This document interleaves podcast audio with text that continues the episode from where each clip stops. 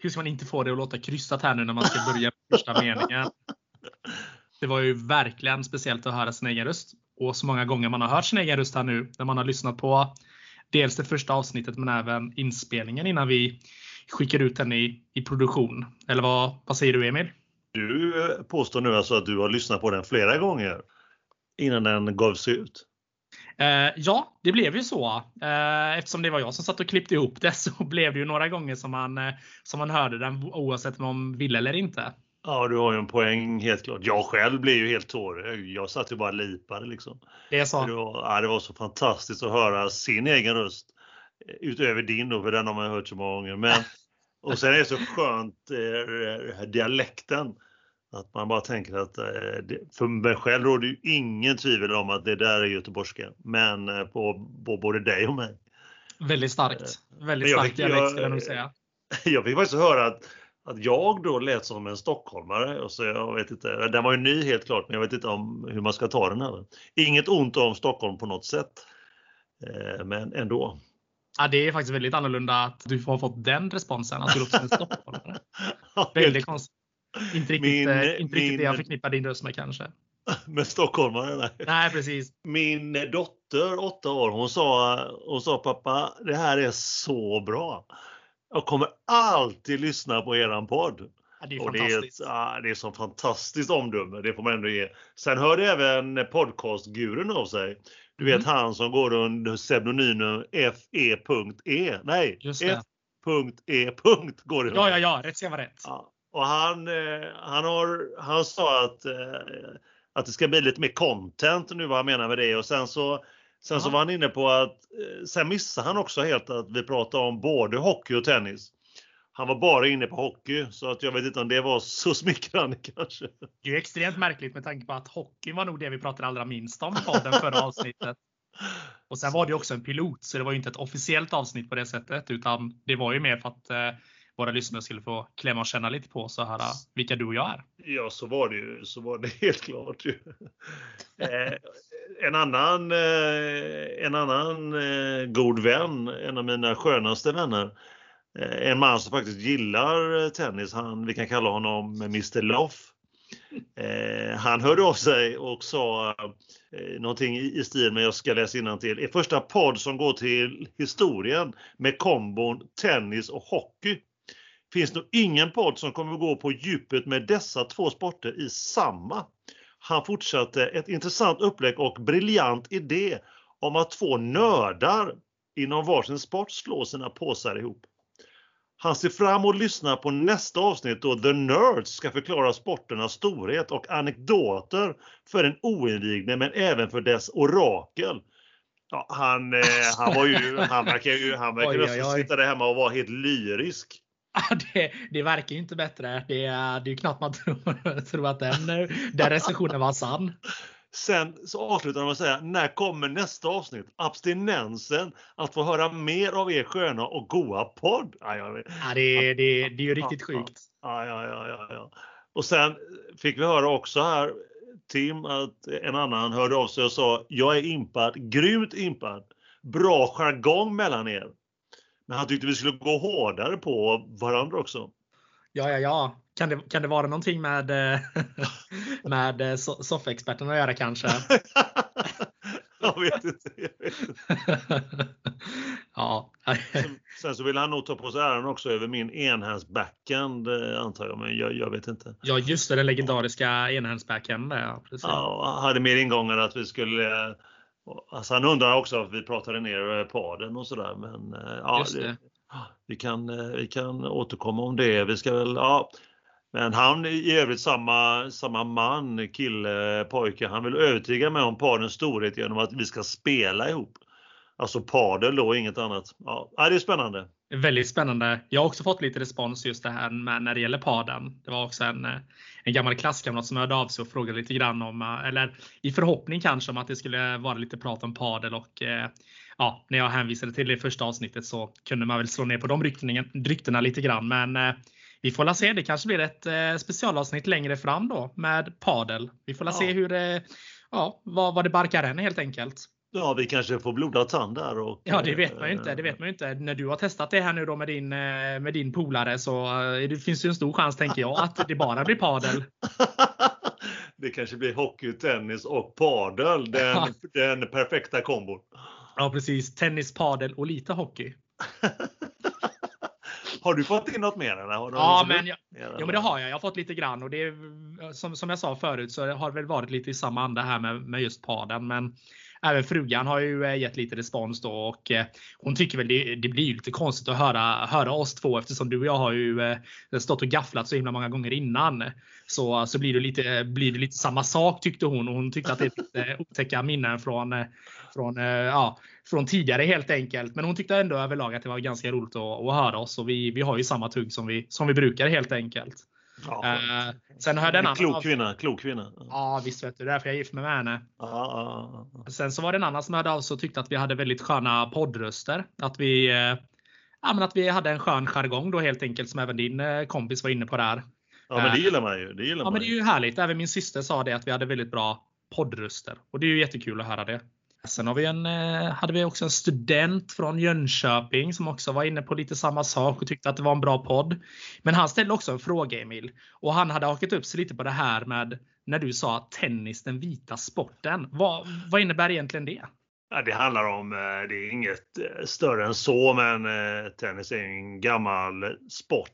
Traditionernas makt är ju stor inom just tennisen. Det är för att orsaken är för att eh, spelarna klär sig eller genom åren har alltid klär sig helvitt när mm. de spelar. Där är orsaken, så det är ju kläderna. Då. Det är kläderna helt enkelt ja, och inte någonting annat? Då. Bara kläderna och att man genom åren. Vill du höra någonting om detta Tim? Nej, du behöver inte svara på det Tim, det får du göra ändå. Men eh, i Wimbledon som vi även nämnde förra gången, piloten, Mm. så spelar man alltid vitt och det har varit extremt viktigt sen, sen turneringen började 1877 att man spelar då enbart vitt. Ja, man spelar alltid vitt alltså? Jajamensan. De, de, de liksom, då? Klädkoden är ju det liksom. Men, men sen 70 80-talet, alltså för ganska många år sedan nu, så har man liksom luckrat upp det lite. Mm. Men att då ska det, då ska det in, citationstecken vara i huvudsak vit. Alltså klädkoden och sådär. Man minns ju väl då, kanske inte du minns så väl, men jag minns när Stefan Edberg eh, vann 88 och 90. Då spelade ja. han ju lite otäckt brokiga färger. Det var ju jättehelt vitt ändå, men kragen lite grann och sådär och han hade lite på ärmen också. Sådär. Men en annan story är ju, eh, om du har hört talas om Andrew Agassi eh, från USA. Ja, han, men Agassi har jag faktiskt hört talas om. Ja, men det är bra för han, är ju, han eh, var ju borta flera år och kom åter och sen och han avstod faktiskt spel i just Wimbledon av just den anledningen att han, han var ju känd för att spela i typ stentvättade jeansshorts ja. och tröjor i regnbågens alla färger och lite mer än så. Så han avstod tre år och spelade just Wimbledon av den anledningen. Bara en sån sak. Ja, det är ju helt otroligt.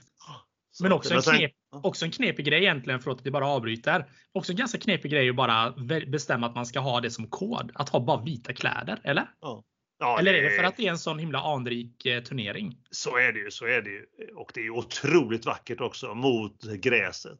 Det är, det är klart, speciellt grön gräset och så spelar alla i vitt. Det är liksom, eh, alltså linjerna är vita och eh, spelarna är eh, vitklädda och så. Ja, det är magiskt. Man får ju, man får ju gåshud Tim när man bara tänker på det. Ja, bara den färgkombinationen. Nej, men när du säger det så har jag ju faktiskt tänkt på det någon gång. Inte kanske just den vita klädstilen, men gräsmattan är ju väldigt fin. Uh, det verkar vara högt i kurs där på, på Wimbledon. Ja, de jobbar hårt med den. Det är ett solarium nu under, under vintern på den. Aha. Den ska hela tiden ligga där och bara gotta sig.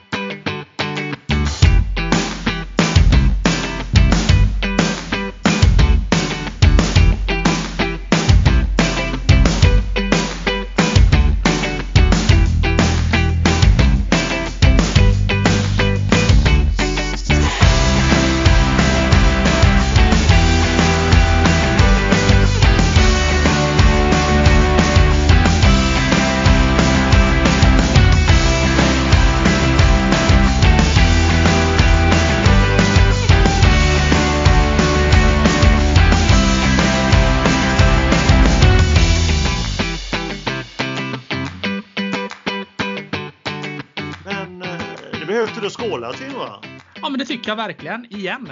Vi skålar ju även under vårt pilotavsnitt. Jo, men det här är ju det första officiella avsnittet i Ja, det- etern. Det har Ja. du helt rätt i. Det har du helt rätt i. Ja, Så vad säger du? Är det dags eller? Ja, jag tycker det. Tycker det är dags att korka upp den här goingen nu. Oh. Oj. Du var snabb på det idag. Ska se om jag lyckas då. Känner man att det var en äkta dompa, det gjorde man ju lång väg där. Verkligen. Ska vi se då. Åh, Oh, den lät fint också du. Ja, en eh, årgång 2019 vet du. Mm, Men vi, eh, vi skålar väl då? Skål Tim! Skål Emil! Och skål För- alla andra där ute. Ja, för det första avsnittet då, skulle man väl kunna säga. Det Det första, det ju. det första officiella hela avsnittet. Förra avsnittet var ju som sagt en teaser. Oj, oj, oj, gudomligt gott. Ännu en gång. Ja, det är väldigt, väldigt gott. Man kan aldrig ha tråkigt med bubblor. Så är det ju. Nej. Fyller på lite där också. Gör det. man Ja, får väl det- säga också, eh, får också säga Tim att eh, vi poddar covid-säkert. Ja, även denna gången så blir det covid-säkert. Vi dividerar munskydd på och så där gjorde vi innan men kom fram till att det var väl ingen större idé med, med tanke på att vi sitter så långt avstånd emellan varandra. Men precis, precis. Även denna gång är det ju eh, över milen mellan våra studios. Precis, precis. Och det har också varit väldigt oflexibelt och opraktiskt att ha munskydd nu när vi sitter och dricker skumpa med, tänker jag. ja, du har en poäng. Men, Men vad, men vad vet eh, jag? Ja, vad, vad vet du? Men då undrar ni, kanske ni alla i, där ute, vad vi ska prata om idag. Eh, Vi kanske ska prata om våra naglar, senaste manikyren, någon livskris vi haft sen sist. Eh, Vintagepappan i mig. Vad är egentligen en vintagepappa? Eller varför inte mitt senaste incheckningsproblem när jag flög från Charles de Gaulle i Paris på väg till Hartsfield Jackson Atlanta International Airport. Eller som vi säger ATL. Eller kanske hunden som såg en råtta på gatan, vad vet jag, luftkonditionering som är ett allmänt problem. Och hur du gör slut med din partner på tio dagar eller, eller hur du hittar ut en padelbur på åtta minuter. Nej, nej, nej, nej, nej, nej, nej, nej, nej. Det där får ju de andra poddarna hålla på med känner jag. De som inte har något innehåll. Vi har ju en innehåll Emil. Och vi har ju eh, pratat igenom det här innan och vi ska ju prata om betydligt mycket mer andra grejer än om hur man hittar ut ur till exempel en padelbur. Vi ska hålla oss till hockey och tennis som vi har varit inne på innan och eh, det vi ska prata om idag. Det är eh, en punkt som vi kallar för veckans lärdom. Och den andra är också vecka, veckans snacks. Och när vi har gått igenom de här två ja, ganska djupgrotade punkterna då vet vi att då har 37 minuter gått. Ja, givetvis är vi en podd med innehåll. Ska vi skåla på det eller? Ja, det får vi göra. Det får vi göra. Det här var, en- det här var en skakig start. Skål! Skål Emil! Och sen så ska vi ju då försöka ha roligt då och även tillsammans med er. Ja, men precis. Och eh, vi får väl eh, egentligen börja kanske lite avsnitt här innan vi går in på nästa ämne. Med att vi vill göra en liten rättelse från förra avsnittet. Ett poddavsnitt ska ju inte vara max 37 minuter som vi sa sist. Utan det ska vara exakt 37 minuter givetvis. Eh, Så att en rättelse från, från vår sida där. Första ämnet då, veckans lärdom sa du Tim. Och då undrar man eh, vad är då detta för spännande ämne? Mm. Idag är det faktiskt, vi ska ställa sex frågor till varandra om varandras expertis. Och då undrar du kanske varför just sex frågor idag? Jo, för siffran sex kom vi på då, står ju i tennissammanhang oftast för är det antal game, alltså sex då, som man ska ha för att vinna ett set. Och för dig som inte är så insatt än så behöver man vinna två alternativt tre set för att vinna en match. Mer än en annan gång. Och, vad, och Tim, vad kan det stå för i hockeysammanhang, siffran 6? Jo, men det kan ju stå för till exempel att man är ju sex stycken eh, spelare på isen då, inklusive målvakt. Man pratar ju ofta i, i, ofta i termer om att man är spelare i femmor i hockey som då byts av. Och då pratar man ju då givetvis utan målvakten, för målvakten står ju där hela matchen. Förhoppningsvis så byts ju inte av speciellt ofta. Han står ju mest eh, stilla. Eller inte speciellt stilla, de är ju ganska aktiva också. Men det är ju inte det här, eh, det är inte det här fart och fläng och det är inte så mycket tempoökningar kanske för en målvakt under en match. Som eh, kanske för en, en forward.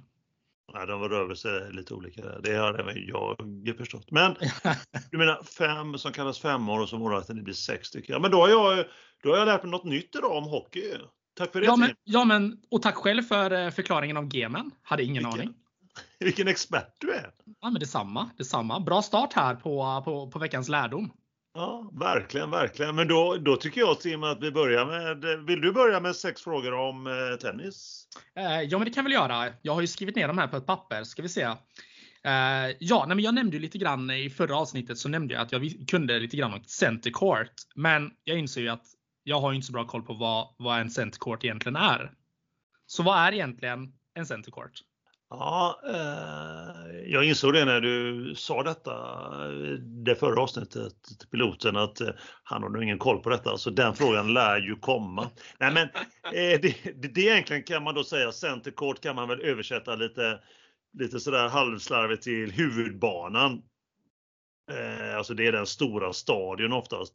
Oftast finns det ju en stor stadion och sen så finns det ju stadion, stadium och sen så finns det lite mindre då, eh, banor runt omkring. Till exempel, jag kan dra ett exempel, eh, Båstad Tennisstadion, denna som ligger så vackert vid hamnen, havet där. Eh, där finns det sex stycken banor, samtliga då på grus givetvis. Ja. En, en centercourt då, den stora arenan som tar cirka 5000 när man sitter runt där. Mm. Sen bana 1 som ligger precis bredvid, vid sidan av centercourten. Eller CC som det heter egentligen på tennisspråk. Eh, som, och den då, bana 1 tar bara ett par hundra. Sen lite längre mm. ner mot hamnen, fantastiskt vackert ligger det också. Där ligger då bana 2, 3 och 4 och 5. Alltså de övriga fyra banorna. Eh, och de, där finns bara sittplatser så man ser två av banorna. Så får man se över de tennisbanorna till för att se de övriga bortomför. Där. Och de tar också bara ett par hundra. Just det. Ja, vi har varit inne på anrika Wimbledon då återigen, den här eh, Grand Slam turneringen eh, strax utanför eh, London. Ja, ja. som har då spelats sedan 1877 som vi har nämnt här. Undantag bara för första världskriget och andra världskriget samt då förra året när det var, när det var en pandemi som härjade. Och som du mm. kanske märkt, som du kanske vet att Björn Borg har vunnit fem gånger, Edberg 2, 88, 90 där. Men då tar deras centerkod 15 000 gäster. Oj, ja, det är ju betydligt fler än, än Båstads då som tog, vad sa du, 5000? 5000. Bana 1 där i Wimbledon då ja. tar 12 000. Ja, och eh, bana 2 tar 4000. Och Just sen det. så eh, går det ner. Vi kan komma in till, till vi, kan, vi, vi lär återkomma till Wimbledon med deras Grand Pass och när man ska stå i kö där, eller the queue som de kallar det. Så. Men det tar vi någon annan gång. ja, jag känner att vi får gå över till nästa fråga där Tim kanske. Ja, men det var väldigt bra beskrivet i alla fall. Ska vi se, men eh, om vi då går in lite mer på tennisbanan. Jag trodde att center court var liksom tennisbanan. Men om vi tänker då på tennisbanan, vad, vad, har, vad, har, de för, vad har det för mått? Mått, ja det är en e, extremt eh, spännande sak som man kan roa sig med. När det gäller den här tennisbanan så får du bara ha ett annat mått för att vara godkänt. Och det mm. räknas ju faktiskt i fot. Alltså längden då, eh, längden på en bana ska vara, ska vara 78 fot. Och det blir cirka 24 meter. Och bredden 36 fot, eh, det blir 11 meter. Och det är ju dubbelspelet då. Eh, för, eh, för singelspelet blir den 8 meter. Då. För där är korridorerna på sidan. Sen är det servrutan, den är 6,4 lång. 4,11 mm. bred. Sen finns det ju baslinje, mittlinje, servlinje, rund servrutan och en basruta. Dubbelkorridorerna som jag nämnt och sådär. Sen är det lite roligt att veta att när det gäller riktiga officiella sammanhang, inte när man själv går ner kanske och spelar, men så gäller även regler hur lång avståndet måste vara minst till exempel bakom plan, alltså bakom baslinjen. Där måste vara 6,4 meter till vägg då. Och 3,7 meter på vardera sidan. Var, varför, vet, vet, du varför det är ju 6,8 meter till, från baslinjen till närmaste vägg? Nej, 6,4. Nej, 6,4. Eh, eh, nej, det är väl mer så att du ska kunna nå och sådär. Alltså sen varför den är just satt på 6,4, det kan man ju dividera. Ja, det var väldigt intressant. Det var... Det ja, det var ju... vi fick ju så exakta mått där. Ja, Men, helt otroligt. Ja, Så det, så det är det. Sen är nätet faktiskt, det finns, det finns regler och om man inte känner kanske till det som om man inte är invigd och nörd då, som någon nämnde här i inledningen, eh, så, är ju, så finns det ju stolpar på sidan och de ska vara 1,07 meter. Mm. Men sen lutar det lite grann till mitten. Det är det 0,91 0915 exakt meter, alltså 3 fot om man ska vara exakt. Okej. Okay. Så, ja, så nätet alltså lutar extremt lite men ändå lite. Det känns, det känns som att det är väldigt, väldigt satta regler. När, ja, ja, det är, hur saker och ting ska vara. Det känns extremt uppstyrt. Ja, det finns ingenting där som du får göra som du vill om man nu ska vara om man nu ska vara petig och där går ju de och mäter och ju, ju större turnering det är desto, desto mer går de och mäter har ju någon liksom som bara är där typ för att mäta nätet så att det liksom inte, in, inte blir fel.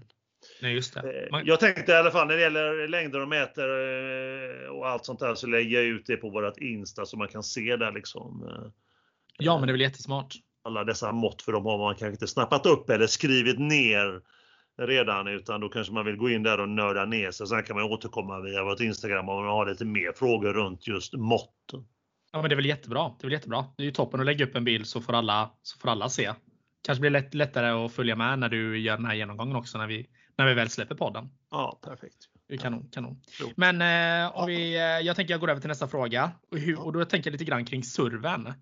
Ja, spännande. Ja. Eh, hur, eh, hur servar man egentligen och vilka olika tekniker finns det? Mm, det finns alltså det som är när man ska avlägga serven eller slå serven så är det viktigt att man har då båda fötterna Eh, de får ju vara bakom baslinjen. Det måste de, måste de vara. De får liksom inte vara på baslinjen. De får ju mhm. flyga över den just när serven slås. Men just i servrörelsen så måste man ju ha dem bakom linjen. Sen slår man diagonalt över till, alltså över nät och sen diagonalt på serverrutan så måste den komma innanför den. Jaha. Eh, och rör man, rör rör foten eh, alltså servelinjen då, eller baslinjen, så blir det ju fotfel. Eh, sen när det gäller vilken, vilken eh, teknik så finns det ju jättemånga. Varje spelare har ju sin egen liksom och tycker att det är bra och sådär. Hur man ska slå med vilken skruv och var på racket och sådär. Mm, mm. Sen är det någonting som har, kommit, eh, som har kommit till och från under många, många år, men nu igen här blev hett här för något år sedan, eller två, så är det underarmsserven. Ja, men det, det såg, jag någonting, det såg jag någonting om eh, på, uh, på, på Facebook. Jag såg på något sånt där klipp från ATP-touren eller något sånt här. Och då såg jag att då var det två spelare som rök ihop lite när han gjorde den här underhandsserven. Ja, vissa påstår att man inte ska göra den, att det inte tillhör kutym, att det är okay. dålig stil, att så gör man inte. Sen var det någon som har uttalat sig att det kan man göra, men inte, inte mot topp 10 spelarna i världen får man inte göra det. Ja, du vet. Det men du får ju, det finns ju inget fel i regelboken att du inte får göra det. Liksom. Nej, nej. Men kan man få en tillrättaviselse för att man eh, gör en underhandsserv av domaren till exempel? Nej, nej, nej, nej. Utan du får göra det. Nej, nej, nej, du får göra det. Du får slå över den hur du vill. Du kan slå den på sidan, ovan dig och under dem. Så det finns inget. Det är helt så otroligt. Det ja, ja, ja, det då finns det ändå lite flexibilitet med hur man kan serva då, så länge man har fötterna på rätt sida av linjen. Ja, så är det ju. Så är det ju. Jaha, ja, det var ju sjukt intressant. Ja, sen jag... alltid... ja, ja nej, men eh, kör på du. Du har alltid två servar på dig. Eh, första serv, andra serv. Eh, lyckas du inte på två servar så blir det dubbelfel heter det då och då får du en andra, andra poäng. Ja, vidare, ja. Om den vidare nät då, nätkanten och sedan går in i rätt servruta så får du göra om den serven. Och det gäller ju både första och andra serve. Så du kan ju stå där om du har riktigt otur eller tur. Att du slår den via nät och in hela tiden så får du slå om den tills den kommer in. Då. Det gäller första och andra serve. Ja, ja, okej. Okay. Så om jag servar och träffar nätet och den flyger över på din sida så är det egentligen, då får jag göra om den serven? Ja, exakt. Så är det okay, första så... serven så får du slå om den igen. Ah, okej, okay. och då är det fortfarande första serven då helt enkelt? Jajamensan, det är det. Ah, okej. Okay. Ja, det var ju intressant. Jag trodde, att, jag trodde att det var liksom servfel om man träffade nätet. Nej, inte om den går över då. Men sen om den går någon annanstans, går den inte i, i rutan så är det ju fel. Då är det fel. Okay, okay. Då, ja, får du, då får du slå din andra serve och sen blir det ju dubbelfel. Okej, okay. ja, men spännande, spännande. På tal om eh, olika servertekniker, vem, eh, vem servar hårdast? Servar hårdast, den som innehåller rekordet just nu, det är en kille från Australien som heter Samuel Groth. Mm. Kan du gissa vad han har servat i? Eller hur oh. jag, har ju, jag har ju sett eh, servar flyga iväg gott över 100 km i timmen. Jag har inget sånt direkt minne. Jag säger väl 100, 192? Ja, du får lägga på 71 km. Skojar du? 263 eh, km i timmen slog Samuel Groth. Eh, det gjorde han 2012. Gjorde han det. Men det är ju helt bisarrt ju. vad sa ja, du? 200? Ja, ja. 63 km i timmen. 263 km i timmen. Är det någon som ens är i närheten av det nu? Som är aktiv? Mm, nej, det senaste är ju det. Det är väl ingen, det har ju kommit upp några sen, sen när de andra slogs. Men jag vet, eh, jag blev lite, nyfiken för att det, genom många år har det gått, eller det har gått prat om att vi har ju en svensk som ligger på topp 10. Aha, okay. mm. eh, Joakim Pimpim Johansson som var aktiv eh, under 2000-talets eh, 00 där årtionden i början. Han, han uppnådde den dåtiden som var snabbast 244,6 kilometer. Det är också ganska bra tryck i bussarna ja. alltså. Ja, ja, det gjorde han. Och det här är ju roligt faktiskt. Det här ska du höra Tim. Det här är sjukt roligt. Det var ju Davis Cup 2000, 2004, bortaplan, Australien. Mm. Det var första omgången. Han, han spelade dubbel ihop med Jonas, Jonas Björkman. De spelade mot i, då, i dubbelmatchen mot Todd Woodridge och Wayne Arthurs. Mm. Och det här är, det var en, alltså en andra serve som han gjorde detta. Det är alltså, den, det är, det är alltså fortfarande den hårdaste andra serven som någonsin har slagits. Men, men, men, är, det så att man håll, är det så att man håller igen lite grann på andra serven då? När många, man, gör det, eh, många gör det. Okej, okay, så man går inte... Okej, så man går inte liksom för full, eh, fullt blås när man drar en andra serve utan man safear mer för att hålla bollen i spel eller? De övriga där topp 10, de övriga då har ju slagit det första sen för då safear man mer för då vill ah, man okay. Utan då och då chansar man. Och okay. Då kan det ju lika väl bli. Han, han var ju en liten chansare av rang och han levde mycket på sin serve, eh, Pim Pim Johansson. Så att han, mm. Men här, det här gör han också ska du veta. Det här är alltså i en femsetsmatch när han har spelat några timmar. Det står 2-2 i set, fyra lika i game och Sverige ligger då, eh, han och Björkman ligger under med 15-40. Då slår han det här esset en andra serve. Ja, det är helt... Eh, är jag, helt jag, såg, jag såg matchen. Det var, man bara tänkte, vad händer? Det var en nattmangling, du vet, det var ju tidsomställningen eh, och så. Det som bara sitter och ja. tänkte, vad händer? Så sjukt. Och det som gör, alltså sen vinner Sverige det sättet med det 7-5 och sen vinner de ju hela landskampen med 3-2 för man spelar fem stycken matcher. Ja, och det var det som var ganska avgörande kan man ändå på något sätt så här i efterhand säga. Verkligen, det låter som en riktig kioskvältare alltså. Äh, häftigt, häftigt. Ja, ja verkligen. Coolt. Eh, Pim Pim Johansson, han kunde serva den killen. Ja men verkligen, herrejösses. Men eh, någonting annat som jag tänkt på lite grann som jag tänker får bli nästa fråga här. Det är att eh, i andra sporter, ja men typ till exempel ishockey då, där har man ju ganska tydliga liksom, periodpauser. Mm. Där man går ut och sätter sig och tar lite, tar lite vatten och kexchoklad i, i omklädningsrummet och får en avhyvling av tränaren. Mm. Men eh, hur, hur funkar det egentligen i tennis? Tillbringar man all tid på courten eller, eller har man också att man går in i något omklädningsrum? För jag tänker det måste bli ganska varmt där nere på planen när man spelar. Eh, ja, speciellt eh, vissa, vissa, vissa tider på året, vissa, vissa, platser på jorden så blir, det ju, så blir det ju extremt varmt och du får hälla i dig mycket vätska. Precis. Så det är klart att då behöver du ju gå på, på toaletten och, så, och sådär. Men då får du, du prata med huvuddomaren. Okej, okay, men man får gå på toaletten i alla fall? Jajamensan, jajamensan, det får du göra. Ofta så då vill ju huvuddomaren att du ska göra det mellan sätten. Alltså mellan sätten, okej. Okay. Okay. Då och då har man ju sett att man har gjort upp med lindomaren att eh, i slutet på ett sätt så gör någon av spelarna upp med lindomaren att när det här är klart så måste jag springa. Ah, okay. det finns ju lite roliga klipp där också. Ah, som man, ah. kan, man kan roa sig med att titta på. Vi får se om vi kan lägga upp något kul klipp kanske på, på vår Instagram-kanal utan att få bli copystrikade. Med någon som, med någon som, lägger, någon som slår ett vinnande slag och sen bara rusar därifrån för att gå på toaletten. det låter faktiskt jättekul. Det måste vi ju se om vi hittar något. Men om man nu eh, behöver gå på toa då och har, eh, har pratat sam, samstånd med domaren och så. Vad, eh, vad gäller då? Kan de vara borta hur länge som helst? Kan de gå och sätta sig och liksom läsa tidningen på toa eller vad, vad gäller? Nej, de ska ju åter och sådär. Sen är det olika regler för olika turneringar och sådär. Men de ska ju bara gå på toaletten. Då följer någon med dem. Någon mm. följer med dem, inte in på toaletten, men fram till toaletten och så får de ju stå utanför och vänta för de får inte prata med sin coach eller så. De får ju inte, de får ju inte prata med någon. Så att det därav att någon funktionär, någon, eh, någon vakt, typ toalettvakt, följer med dem så att de står och verkligen håller koll på så att de inte liksom gör detta. För det får du inte göra.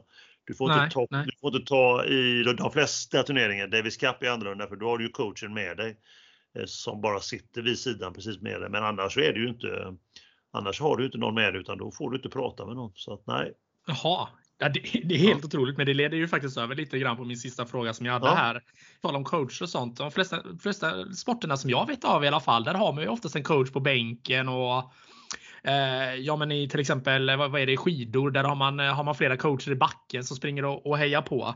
Men i tennis tycker jag aldrig, man, man ser ju inte någon tränare liksom i, på courten eller så. Vad, är de inte där alls?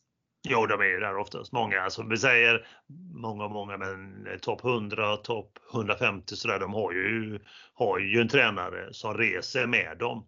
Sen är det ju många fler än så som har det hemma vid och sådär.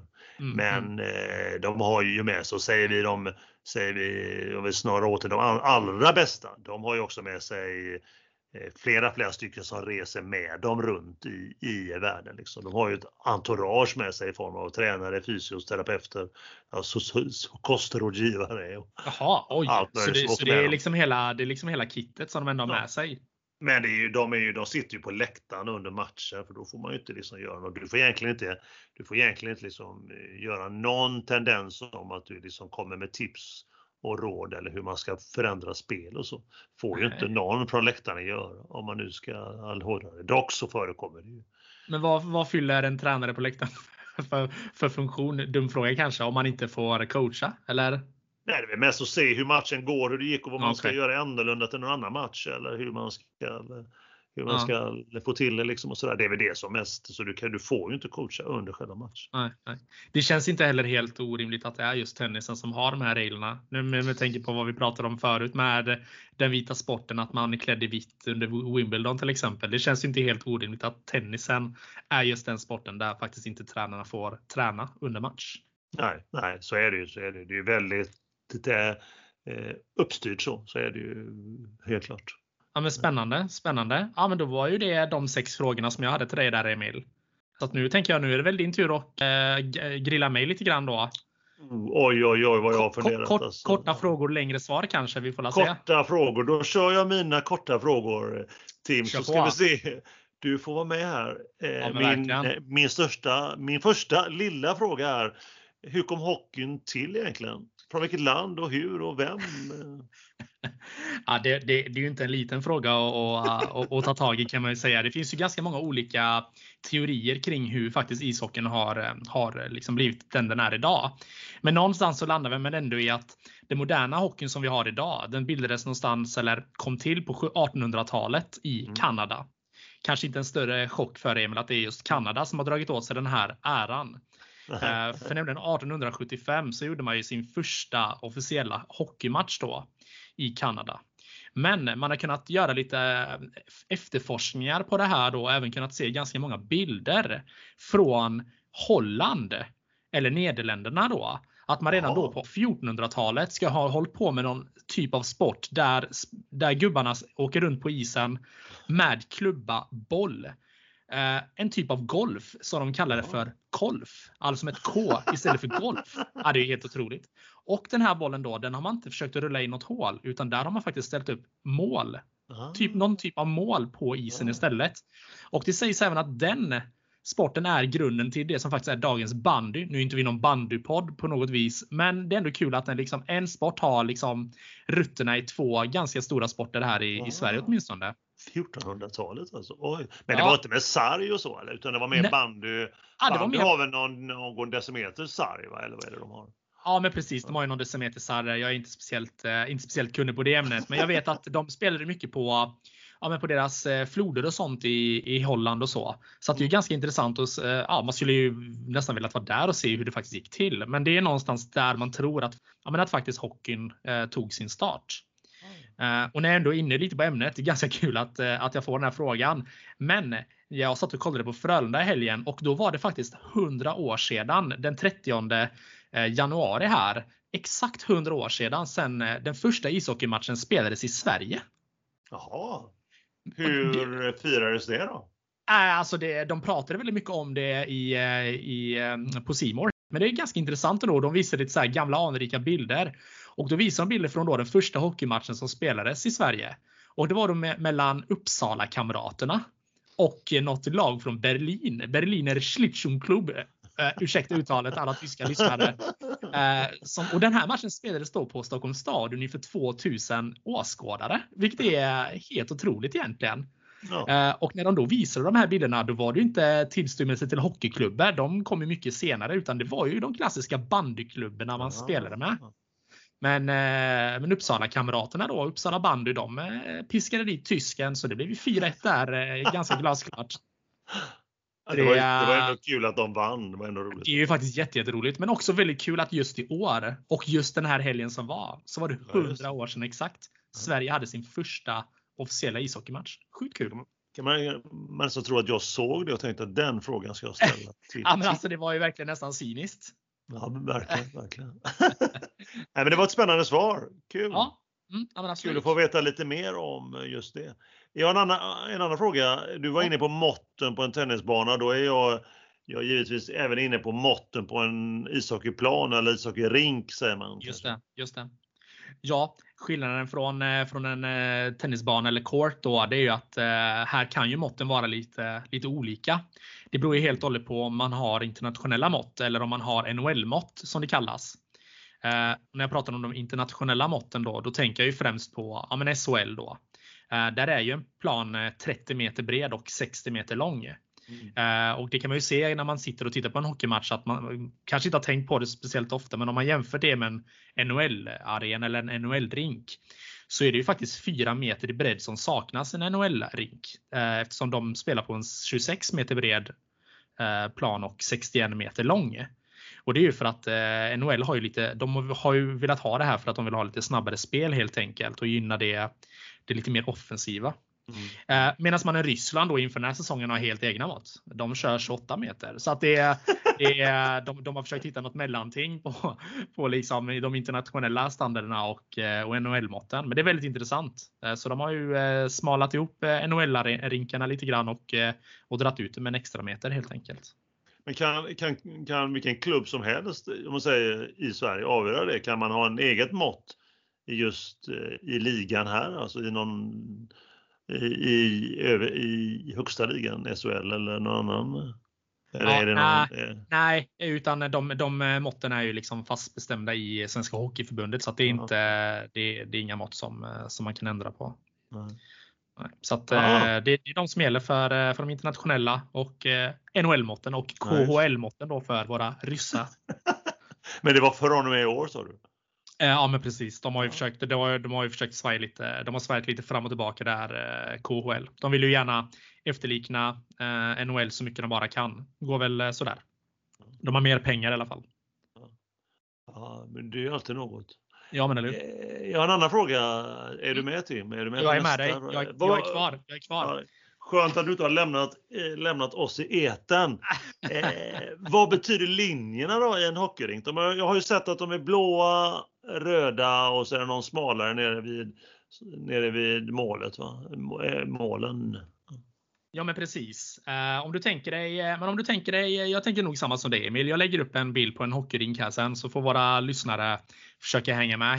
Men, uh, men vi kan ju börja då som du sa med blålinjerna de markerar egentligen zonerna för själva spelet. Så ytan mellan kortänden och den blå linjen, de brukar mm. man kalla för ytterzoner och det är det som bildar försvarszon och eh, anfallszon. Och då försvars, försvarszon då, svårt ord, eh, givetvis då för de som har sitt mål där och anfallszon för motståndarlaget som ska göra mål där helt enkelt. Eh, ja, så, så, att, eh, så det är egentligen det, är egentligen det man har eh, valt att göra, så man kallar det för ytterzoner. Sen finns det också en zon eh, som är mellan de här två blå linjerna då som sträcker sig upp över den röda tjocka linjen som du pratar om Emil. Den som är i mitten. Ja, och det är det man kallar för mittzon. Eller mm. neutral zon brukar man ju nu ganska ofta säga. Uh, och uh, ja, ja, men det var för några år sedan. Då vet jag att då, då blev det en ganska stor grej, en ganska stor uppmärksam grej. Och det var att man valde att flytta på de här blåa linjerna lite längre upp och göra mittzonen mindre. Och det var för att man skulle få större anfallszoner för att främja då eh, anfallshockeyn i, Mm. i, i svensk ishockey, vilket jag tycker var ett riktigt bra lyft för, ja, men för hela ligan egentligen. Det var jätte, jättekul att de gjorde det. Eh, Så att eh, så fram till, eh, ska vi se, ja, men det var 2014 tror jag det var, så var zonerna lika, sto- så var zonerna lika stora. Jaha. Eh, Men, Men det är man, de inte längre alltså? inte längre, utan man har då flyttat, eh, flyttat eh, ihop blålinjerna närmare varandra och på så sätt gjort anfallszonerna och eh, försvarszonen då större. Är det någonting, är det någonting det som ligorna får göra själva? Eller får komma på? Att, Nej, utan vem jag, avgör det? Eller vad, vem avgör? Ah, nu flyttar vi. Det är inte så att nu flyttar vi linje här. Eh, ja, nej, men precis. Nej, men det är väl egentligen på, på en ganska central eh, nivå. Jag tänker att det är ju Svenska Hockeyförbundet som säkerligen sitter och gör de här bestämmelserna tillsammans. Mm. Det är ju inte heller någonting man bara kan skicka in en, en, en agenda eh, till, alltså en agenda på till ett årsmöte och så bara ändras det, utan det, det krävs ju ganska mycket liksom, eh, diskussioner kring de här grejerna innan. Ja, För att det ju på något sätt också gynna ishockeyn. Annars så skulle ju det kunna vara hur mycket linjer som helst på en, på en ishockeyplan. Ja, just. Men eh, kan man olika, där kan man också olika i olika, vi säger NHL och i Ryssland.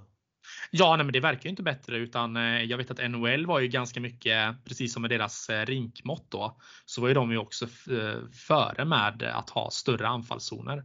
Så att, så att de har ju spelat med det lite längre då. De, man brukar ju ofta säga att NHL är lite av en föregångare när det gäller mycket av reg- reglerna. Man testar det först i NHL och sen så tar Europa efter. Så det, Mm. det är någonting man ofta pratar om. Ja. Eh, sen har vi också den här rödlinjen då som, Aha. finns, på mitt, som finns på mitten av planen. Eh, och den användes ju tidigare till någonting som heter rödlinje offside om du kommer ihåg det Emil. Ma- Nej, nej, nej. Och det innebar ju då egentligen helt enkelt att stod man på ena sidan av rödlinjen och passade fram pucken i neutral zon över rödlinjen till en Mm. medspelare. Då blåste de av spelet för offside. Rödlinje offside. ah. Så det fanns ju ingenting som hette att man kunde ligga på snikens kulle och gå på anfall. Utan här var man ju tvungna att anfalla ett kollektiv. Och det innebar ju att då var ju alla tvungna också att jobba hem. Ja, det är klart. Så att, eh, men den, den regeln tog man ju eh, tack och lov bort eh, 97.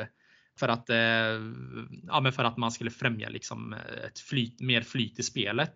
Ja, just det. Här däremot är ju inte NHL en föregångare. De dröjde ända till säsongen 2005 innan de faktiskt tog bort sin rödlinje offside. Så fram tills Aha. dess så var det ju eh, Eh, var det väldigt mycket rödlinje offside och eh, det har man ju sett nu i NHL när de har tagit bort den att nu är det ju rena vilda västern. Nu är det ju verkligen böljande spel. Ja. Men det är väl bra eller? eller? Ja men det tycker jag, ja, men det tycker jag verkligen. Man vill ju se, man vill ju se mål. Eh, hockey är ju, eh, är ju också nå- någonstans en produkt som, som folk betalar ganska mycket pengar för att se. Då vill man också se mål. Man vill inte se att domaren blåser i pipan och, och matcherna är sex timmar långa för att det är rödlinje offside i parti och minut. Nej, det är klart. Det är klart. Så, det, så det är väl jättebra. Mm. Eh, Och sen är det också då den sista linjen som du pratar om. Det är ju lite mindre linjer och det är ju det som kallas för förlängd mållinje. Mm. Och funktionen där är ju då egentligen eh, helt kort och gott för icing.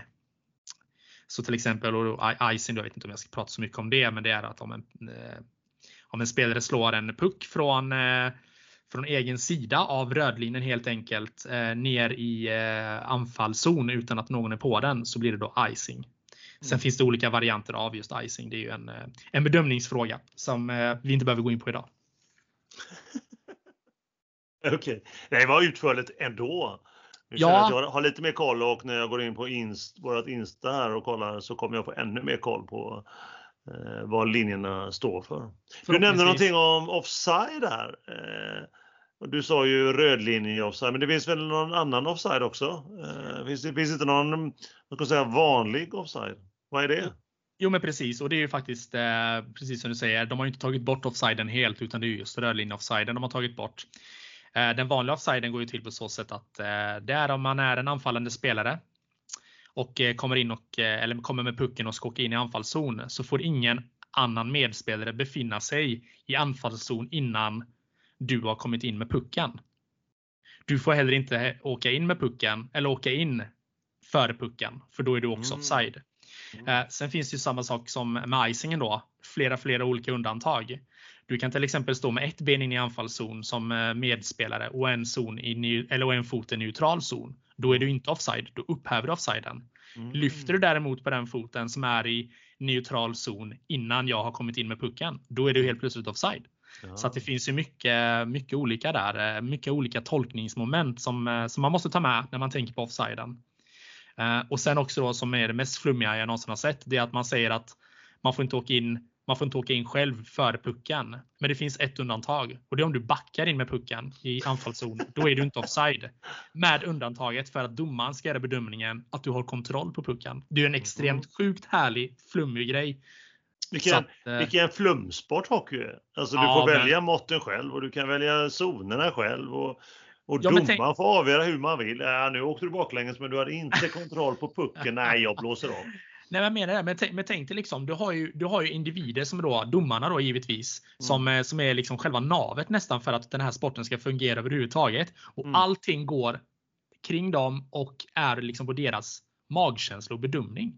Ja, ja. Alltså även, även om det är en solklar utvisning, det är ju mycket utvisningar i hockey, så kanske en domare släpper den för att han inte, eller hon, bedömer att det är en utvisning. Så att det, ja, det är mycket bedömning i ishockey och det är väl det som gör, det är väl det som gör att det ibland är lite orättvisor helt enkelt. Sen är det tre domare va? Fyra? Hur, eh, hur många är det? Fem? Fyra domare är det. Ja. Två huvuddomare och två linjemän.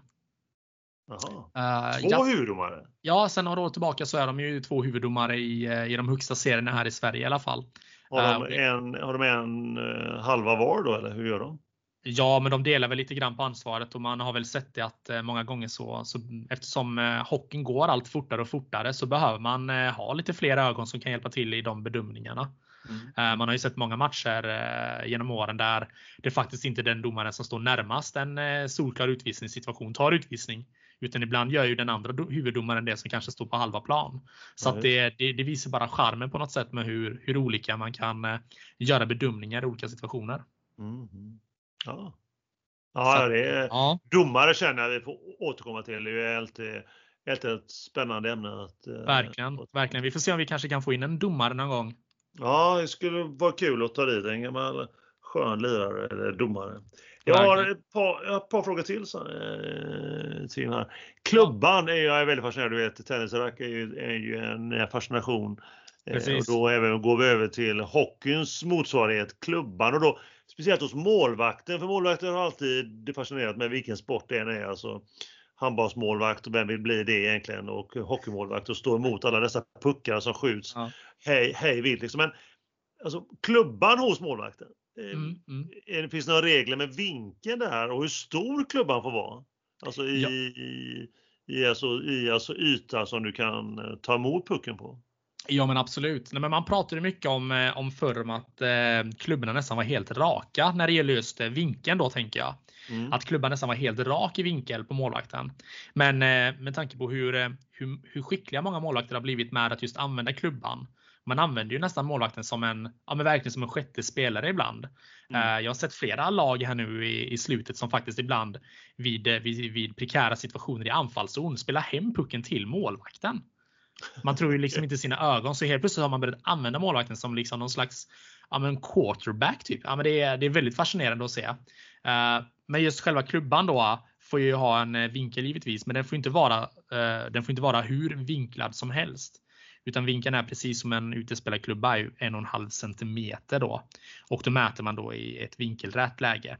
Ja, okay. Samma där tänker jag att man får väl, jag får väl lägga ut en bild och lägga upp någon slags vinkel så att man, ja, så att man kan få se. Ja, ehm, Sen när det gäller kommer till själva längden och så då, så beror det ju helt och hållet lite på hur, hur lång man är som målvakt. Ehm, man brukar ju säga att klubban ska vara 80 av, eh, av, ens, av ens längd och det brukar vara lite undantag på målvaktsklubbor ibland. Ehm, så att ja, så det är väl det som gäller. Sen så är ju eh, oftast eh, bladet också lite, lite större än ett vanligt utespelarblad. Så, ja, där får man ha, så där får man ju ha ett blad som är mellan 5 och 8 cm i, i höjd ungefär. Eh, så att ja, så det är väl så det funkar. Får man byta klubba hur mycket man vill? Då? Du menar om man får byta klubba mellan, alltså målvakt? Ja, målvakten till utspelare och utspelare till målvakt och så. Finns det regler där då? Det, är ju ganska intressant att du säger det, men Eh, när det kommer just den här frågan, den är ganska, den är ganska rolig egentligen när man läser igenom det på, um, ja, men i, i regelboken. Men där är det som så att som utespelare så får du inte åka runt med målvaktsklubba. För då använder du felaktig utrustning. Du har en alldeles för stor klubba för det ändamålet som du är på isen för. Mm. Men däremot kan det vara så att om jag som målvakt eh, tappar klubban eller att den går sönder. Då Ja. kan du som utespelare ge mig din klubba. Så du Ja. får ju spela, målvakten får ju spela i mål med en vanlig utespelarklubba, men inte tvärtom. Så det är Utan okej. då, då är det okej, precis. Tvärtom, då är det, då är det utvisning direkt då. Ja. Så att, Ja, eh, ja. Ja, flummigt. Och återigen får jag säga. Ja, nej. Eh, vi går det hade över varit till... intressant eh, att se en utespelare åka runt med målvaktsklubba. Man kan säga det är inte många slagskott med den klubban. Nej, det är klart den är Många, må, må, må, många nä, näsor kanske. Jag har en sjätte fråga också. Vi Yes. spånar på sex frågor. Ja, Det vi pratat om innan och nu kommer då min sjätte fråga här Tim. Din det. sista. Min sista till dig Kör och till på. alla andra. Eh, Jag, jag läste att VM som, Ja. ska, eh, som spelas mitt i sommaren, som jag brukar säga, VM för herrar, det flyttas från Belarus eh, Mm. har jag hört, har jag läst någonstans. Men varför och, och var, var ska det gå och, och när då? Går det mitt i sommaren eller?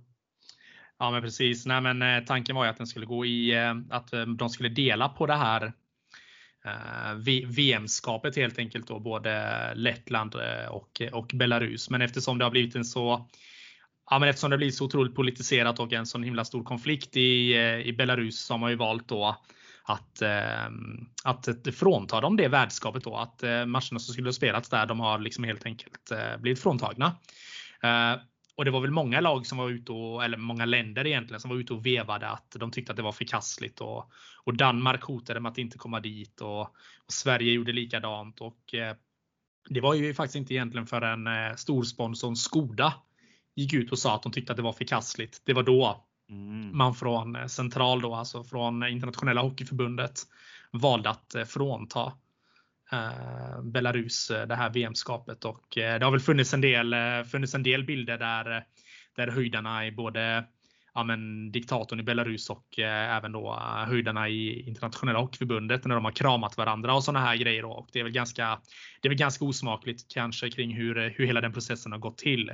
Till att Belarus fick ett VM överhuvudtaget. Det har ju varit väldigt eh, väldigt infekterat och väldigt, eh, ja, men väldigt eh, splittrat helt enkelt i, i hockeyvärlden kring hur man ställer sig till detta. Ja, mycket så att, eh, politik då, mycket, mycket, mycket spel. Ja. Ja men verkligen. Man brukar ju säga att man inte vill blanda in eh, sport och politik men, eh, men det här är ju onekligen politik och det, det vill man ju hålla så långt borta man bara kan.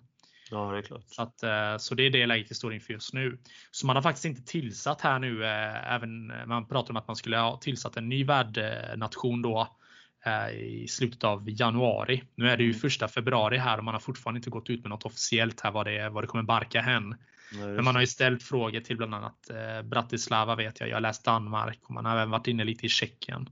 ja. Eh, Tjeckien har väl varit ganska snabba med att dementera på att nej, det finns inte möjlighet att göra detta det här året för att eh, som som för alla hockeynationer så är ju, eh, är ju pandemin ett, eh, ett bakslag rent ekonomiskt och det, är- Ja, det är svårt att bedriva och ja, det är svårt att ha en, eh, en sån stor turnering och inte ha några intäkter överhuvudtaget. Det ska ju Ja, vara är fest när det är, eh, när det är de här evenemangen, precis som ja, men Davis Cup eller vad man nu kan tänka sig. Mm, mm. Så vill man ju att det ska vara en stor folkfest och publikfest och det, det är det ju inte nu utan nu är det ju mer eh, munskydd på och eh, sprita händerna och eh, vara hemma.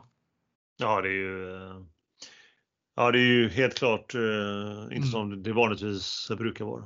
Nej men precis precis så att, eh, så att hockey-VM är väl ändå planerat att eh, hållas som vanligt som man tänkt här i maj. Men, Mm. men de har inte riktigt bestämt hur de ska göra och i vilket upplägg det ska vara. Det man vet är att Lettland inte kommer kunna göra det själva för att de har inte hockeyarenor som, eh, som håller tillräck- tillräckliga mått. Ja, det är klart. Det är klart. Så, att, eh, så att det, det blir ett litet eh, svävande svar på den frågan. Ja, då får vi återkomma om var hamnar VM för herrar i år. Tycker jag. Spännande tycker jag. Sjukt spännande. Och kul att höra dina svar. Du är ju extremt duktig. Eh, Tim, vilken expert du är.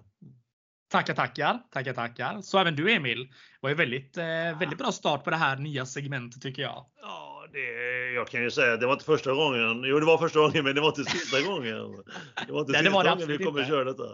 Vi kommer, vi kommer köra det, jag tror många, många gånger till. Ja, det var eh, Det veckans lärdom. Och inte bara en lärdom utan 12 stycken lärdomar fick ju nu eh, vi alla. Det är ju, och till några extra grejer till och med där. Det är ju häftigt. Ja. Ja men verkligen. Ja, men det är fullfrågorna. De är, de är trevliga. Det är bara att säga ja, grattis till alla som har tagit till sig av denna visdom. Verkligen. Vilken vinst. Men eh, vi har väl något nytt ämne på gång Tim? Eller vad känner du? Ja men precis och det är ju veckans eh, snacks som vi har valt att eh, kalla detta segment. Och då sitter ni och funderar på vad det här kan vara. Jo, det är att vi tänker reda ut lite grann hur jag och Emil sitter och tittar på hockey och tennis. Hur vi är när vi tittar på dessa sporter. Är vi aktiva? Är vi passiva? Står vi upp? Hur är det med nerverna? Vad säger vår omgivning? Det kanske är det mest spännande. Skriver vi? Har vi något, beter vi oss på något annorlunda sätt nu när det är covid-tider eller så? Och eh, framförallt, vad äter vi? Och vilket är vårt favoritsnacks och varför just det snackset? Vem vet? Någon gång så kanske det också blir något, eh, något recept, något mummigt recept på någonting gott man kan sitta och äta när man sitter och kollar på tennis eller hockey. Då. Ja, mm. Fantastiskt bra ämne får jag ändå säga. Det är, ja, men det är trevligt. Eh, vilka, vilka, två, eh, vilka, vilka två genier har kommit på det här till? Men ja, man undrar, då, är, man undrar. då är ju frågan, vem börjar? Alltså, Tim, hur, hur, hur är du när du ser på hockey? Alltså på plats då i arenan, hockeylådan, i soffan. Vad äter du? Eh, vad säger omgivningen Tim och varför? Uh, nej men jag är väl en, uh, oavsett om jag sitter i, i, i soffan eller om jag är på plats i arenan så är jag ju en, eh, en känslomänniska verkligen när jag, när jag är och tittar på hockey. Uh, jag lever mig ju in otroligt mycket och tycker det är väldigt, väldigt roligt när, när man ja, men jag får ett adrenalinpåslag när jag sitter och tittar på hockey och jag älskar när det smäller i plexit och jag, jag, jag, slänger käft åt alla. Liksom. Jag är nog inte alltid kanske den roligaste att gå på hockey med. Jag har lite svårt att hålla tillbaka. Eh, jag vet inte hur många gånger det nu eh, det senaste här man faktiskt har stängt av tvn för att jag varit så fruktansvärt upprörd över hur jävla dåligt Frölunda har spelat. Oj då. Oj då. Ja, så, så illa har det varit. Så illa har det varit. Nej, men man, man försöker hålla nerverna i styr, men ibland är det svårt. Man, som sagt, man är en känslomänniska. Kommer säkert som en chock för flera här, men, eh, men jag har inte problem att erkänna det här, vet du. kan vara så att jag har hört lite av min omgivning ibland också. Att man ska lugna ner sig lite, inte svära så mycket. Och domaren. Det är klokt. Det är klokt. Det, det är klokt. Det är Han klokt. hör ju inte det heller och sen så kan man ju dämpa sig något. Det är ju egentligen det bästa. Det är egentligen det bästa att domaren inte hör. Man försöker ju hålla igen men det är, ja, det är väldigt, väldigt svårt. Det är väldigt, väldigt svårt. Uh, så att uh, man sitter ju och är en uh, expertkommentator här hemma i soffan nu i alla fall. det har varit flera gånger man faktiskt har stängt av kommentatorerna på tvn och suttit och kommenterat själv för man får ut mer av det. Ja. Du blir så upprörd på dem då menar du? För att de, eh... jag, kan tycka, jag kan tycka att det är många sneda analyser och det är inte bara liksom som, som jag var inne på förra avsnittet. Jag sitter inte bara och tittar på Frölundas matcher utan jag gillar ju hockey i allmänhet och det, jag får ju adrenalinpåslag oavsett vad jag ser för matcher. Givetvis kanske lite mer då givetvis när jag kollar på Frölunda. Men andra matcher också. Det händer faktiskt ibland att man eh, sänker ljudet på kommentatorerna för man tycker de är väldigt snett på det. Mm. Ja, det känner man igen. Ja. Ja, men så kan det vara. Jag vet inte riktigt hur det är i tennis. Du får eh, försöka förklara det sen. Men, eh, men utöver det, ja. Jag är ganska Helt ärligt så äter jag inte speciellt mycket när jag sitter och kollar på hockey. Det kan vara att jag har lite, lite choklad, lite Marabou ibland när jag sitter här hemma i, i soffan och agerar soffexpert. Men annars är det ganska, är det ganska lugnt. Lite dricka, lite gott att dricka framför matchen kanske. Mm, mm. Ja, jag brukar ladda upp innan match med mat och så, så jag kan sitta och bara fokusera på hockeyn. Man är ju die hard fan. Inte filmen utan hockey. ja, det är bra. Ja, ja spännande men, att höra. Ja. ja, men du då Emil, vad, hur, hur är du när du tittar på tennis eh, på plats och uh, i soffan? Och, hur, hur ser dina rutiner ut där? Ja, eh, alltså dels då när jag, när jag ser på tennis eh, på plats så är jag oftast eh, lugnare. För när det gäller, gäller tennis på plats då så är det ju huvudregeln för tennis när man, man tittar på det, det är att man, man ska ju i, i minsta må, mån eh, inte störa spelet. Så när man kan säga när spelarna står upp så ska man som åskådare sitta ner och tvärtom. Mm. Det kan ju vara en gyllene regel. Eh, så är det på de flesta platser. Eh, så är det och då är man ganska försöker man lugn men då för att stilla mig själv då så brukar jag skriva ner lite vad som händer, hur spelet går, vad det står. Eh, alltså om det är vissa, vissa saker som, alltså, tendenser i, i matcherna. Eh, vem som gör vad och sådana här saker. Eh, det är ju sjukt intressant. Vad, ja. vad, vad gör du med de notiserna sen? Sparar du dem? Ja, men det är klart att de, eh, de får ju sparas för att jag får ha med mig dem och veta eh, alltså hur matcherna gick och så. Så de får jag hålla koll på givetvis. Intressant. Det, ja, alltså det måste jag för närvarande skulle. Det är ju framför allt dels på, på plats då, men alltså mm. ser jag tennis hemma vid eller framför TVn då. Eh, nu finns det inga sportbarer runt om i Sverige i alla fall som sänder nej, tennis. Nej. Men, eh, det är så, tråkigt. Eh, verkligen, verkligen, verkligen. Det är ju det är en skam för många tennisbarer. Eh, eller tennisbarer, sportbarer menar jag. Eh, sådär, men då, alltså när jag är hemma så äter jag ju knappt. Eh, äter knappt. Jag står mycket upp, går runt mycket. Ja, går ja. omkring mycket. Liksom. Extremt nervös, nerverna ligger utanpå. Speciellt då om Sverige spelar Davis Cup. Eh, alltså Sverige spelar, mm. då är det ju mm. helt...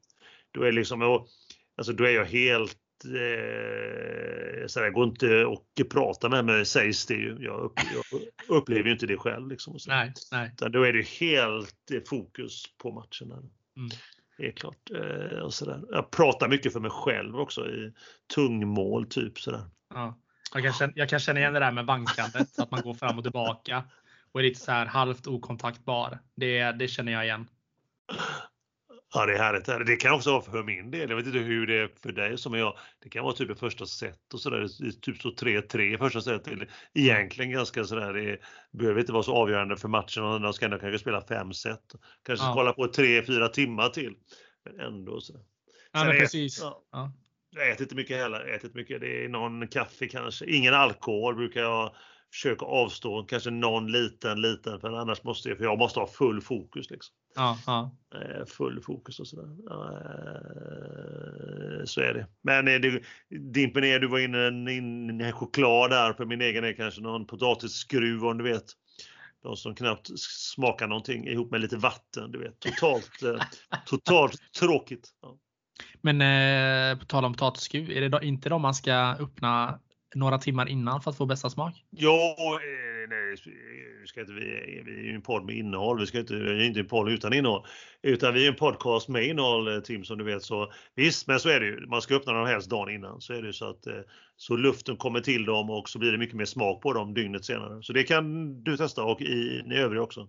Det ska absolut göra. Ni får gärna skicka in det vad ni säger. Öppnar man potatisskruvar dagen innan, smakar de dem mer eller mindre och är de godare eller inte? Om man äter dem dagen efter då. Ja, så det kan ju ja. vara en, eh, en liten frågeställning. Absolut. Och bara för att förtydliga då så tycker jag ändå att en snackspåse har ju innehåll Emil. Så att jag, jag, försöker, jag försöker rädda upp det där lite grann. Ja, det gör du verkligen. Ett väldigt, ett väldigt dåligt försök. Verkligen. Ska jag kanske ta nu när jag hade incheckningsproblem när jag skulle flyga från... Nej. Eh, Tim, men vilka experter vi är! Vilka fantastiska experter vi är! Eller ja, men, vad säger du? Ja, soffexperter. Nej, inte soffexperter. Vi är ju experter, Tim. Det är ju det vi är. Jag måste, jag måste nog ändå stå fast lite grann att jag tycker vi är soffexperter. Å andra sidan, du säger, jag, jag köper ju det du säger. Nu har ju du sagt här att du är en, en vankare när du kollar på, på tennis och går runt och är orolig. Jag sitter ju konstant i soffan och sitter jag inte i soffan så sitter jag på soffärmen liksom. Så att jag och kommenterar, då tycker jag då är man soffexpert.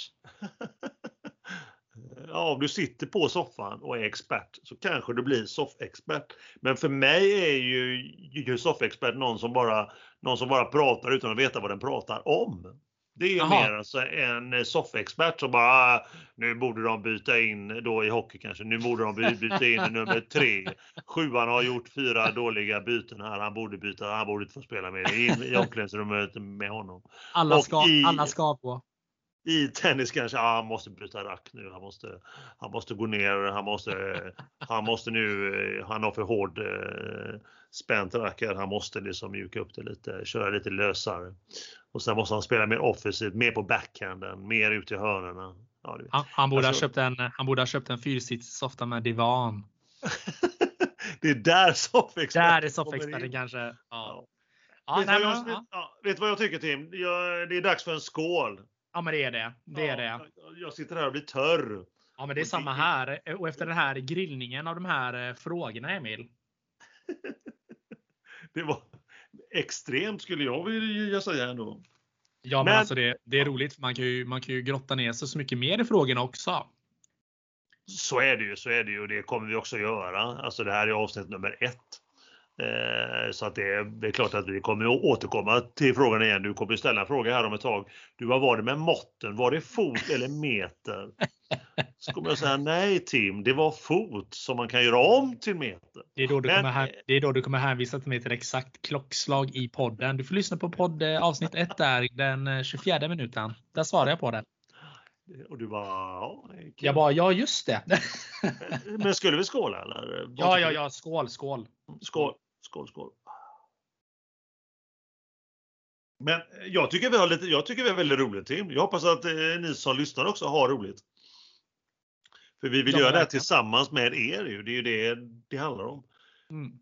Och vi vill också ha med er på tåget. Ni får skicka in frågor via då eh, Instagram är ju det enklaste.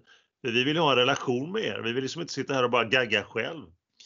Vi vill att ni agerar och reagerar på det vi säger och att ni tycker till om det. Det är ju sjukt viktigt, eller hur Tim? Ja men verkligen. Det är mycket, mycket roligare om vi, om vi gör det här allihopa tillsammans. Så är det. Helt klart. Ja, på, tal, men... på tal om Instagram. Vi finns ju där och då heter vi helt överraskande Mer kul med Aronsson och Park. Just det. Ja, bara en sån sak. Vi vill ha um, vi vill ha liksom feedback, både positiv och negativ. Och då som du och jag brukar säga Tim så är det mycket roligare med den negativa. För vi, vi, vi är mer vana med det positiva så därför blir det negativa mycket roligare och det är en större utmaning. Ödmjukhet är också en godhet eller vad är det man säger? Eller självgodhet är också en godhet. Så heter det. Ja, men, vi är en podd med innehåll och vi är också ärliga. Så, att, um... så är det. Vi är ärliga mot oss själva och vi är ärliga mot våra lyssnare. så är det. Och ni får, ni får prenumerera på oss också på eh, Spotify om ni lyssnar på oss där. Och mm. gilla oss på Insta. För det ser ju, vi själva ser ju det och våra spons ser det ju. Och då gillar de oss och de gillar ju även dig. Precis. Enkelt så, så. Eller hur? Ja, ja. Vad härligt. Vad, vad tänker vi? Vi tänker, eh, vi var inne och pratade lite förut Emil, nästa avsnitt efter mm. det här. Mm. Vi tänker att vi, vi försöker att eh, släppa, det här avsnittet ska vi släppa då på torsdag den fjärde. Mm. Och eh, då tänker vi att nästa avsnitt får bli den elfte helt enkelt. Ja, vi kör bara en vecka där. Vi kör bara en vecka, precis. Lite... Det är viktigt att vi ligger på där hårt. våra målsättningar är egentligen två veckor, men nu kör vi en. Eh, på grund av inofficiella orsaker. Så att det är väl klart att därför, så därför så kör vi kanske en vecka där. Vi har fått upp eh, ångan helt enkelt Emil. Mm. Ja, mm. Det, det, tycker jag. Tim, eh, hur lång tid har det gått nu då? Har det gått 37 minuter? Jag skulle vilja säga att vi snart är uppe på 37 minuter exakt och då vill vi ju runda av podden tänker jag Emil. Ja, jag är nöjd. Är du nöjd? Jag är väldigt nöjd. Det här känns som att det här blir ett bra första officiellt avsnitt för våran, eh, för våran podd. Ska vi, eh, ska vi köra någon eh, sådär, ta hand om dig där ute, ta hand om kärleken? Den är vacker. Jag tycker vi fortsätter med det. Vi kör på den igen. Ta hand om dig där ute. Ta hand om dig där ute. Ta hand om kärleken. Ha det gott nu allihopa. Ha det gott och ta hand om er. Hej. Hej.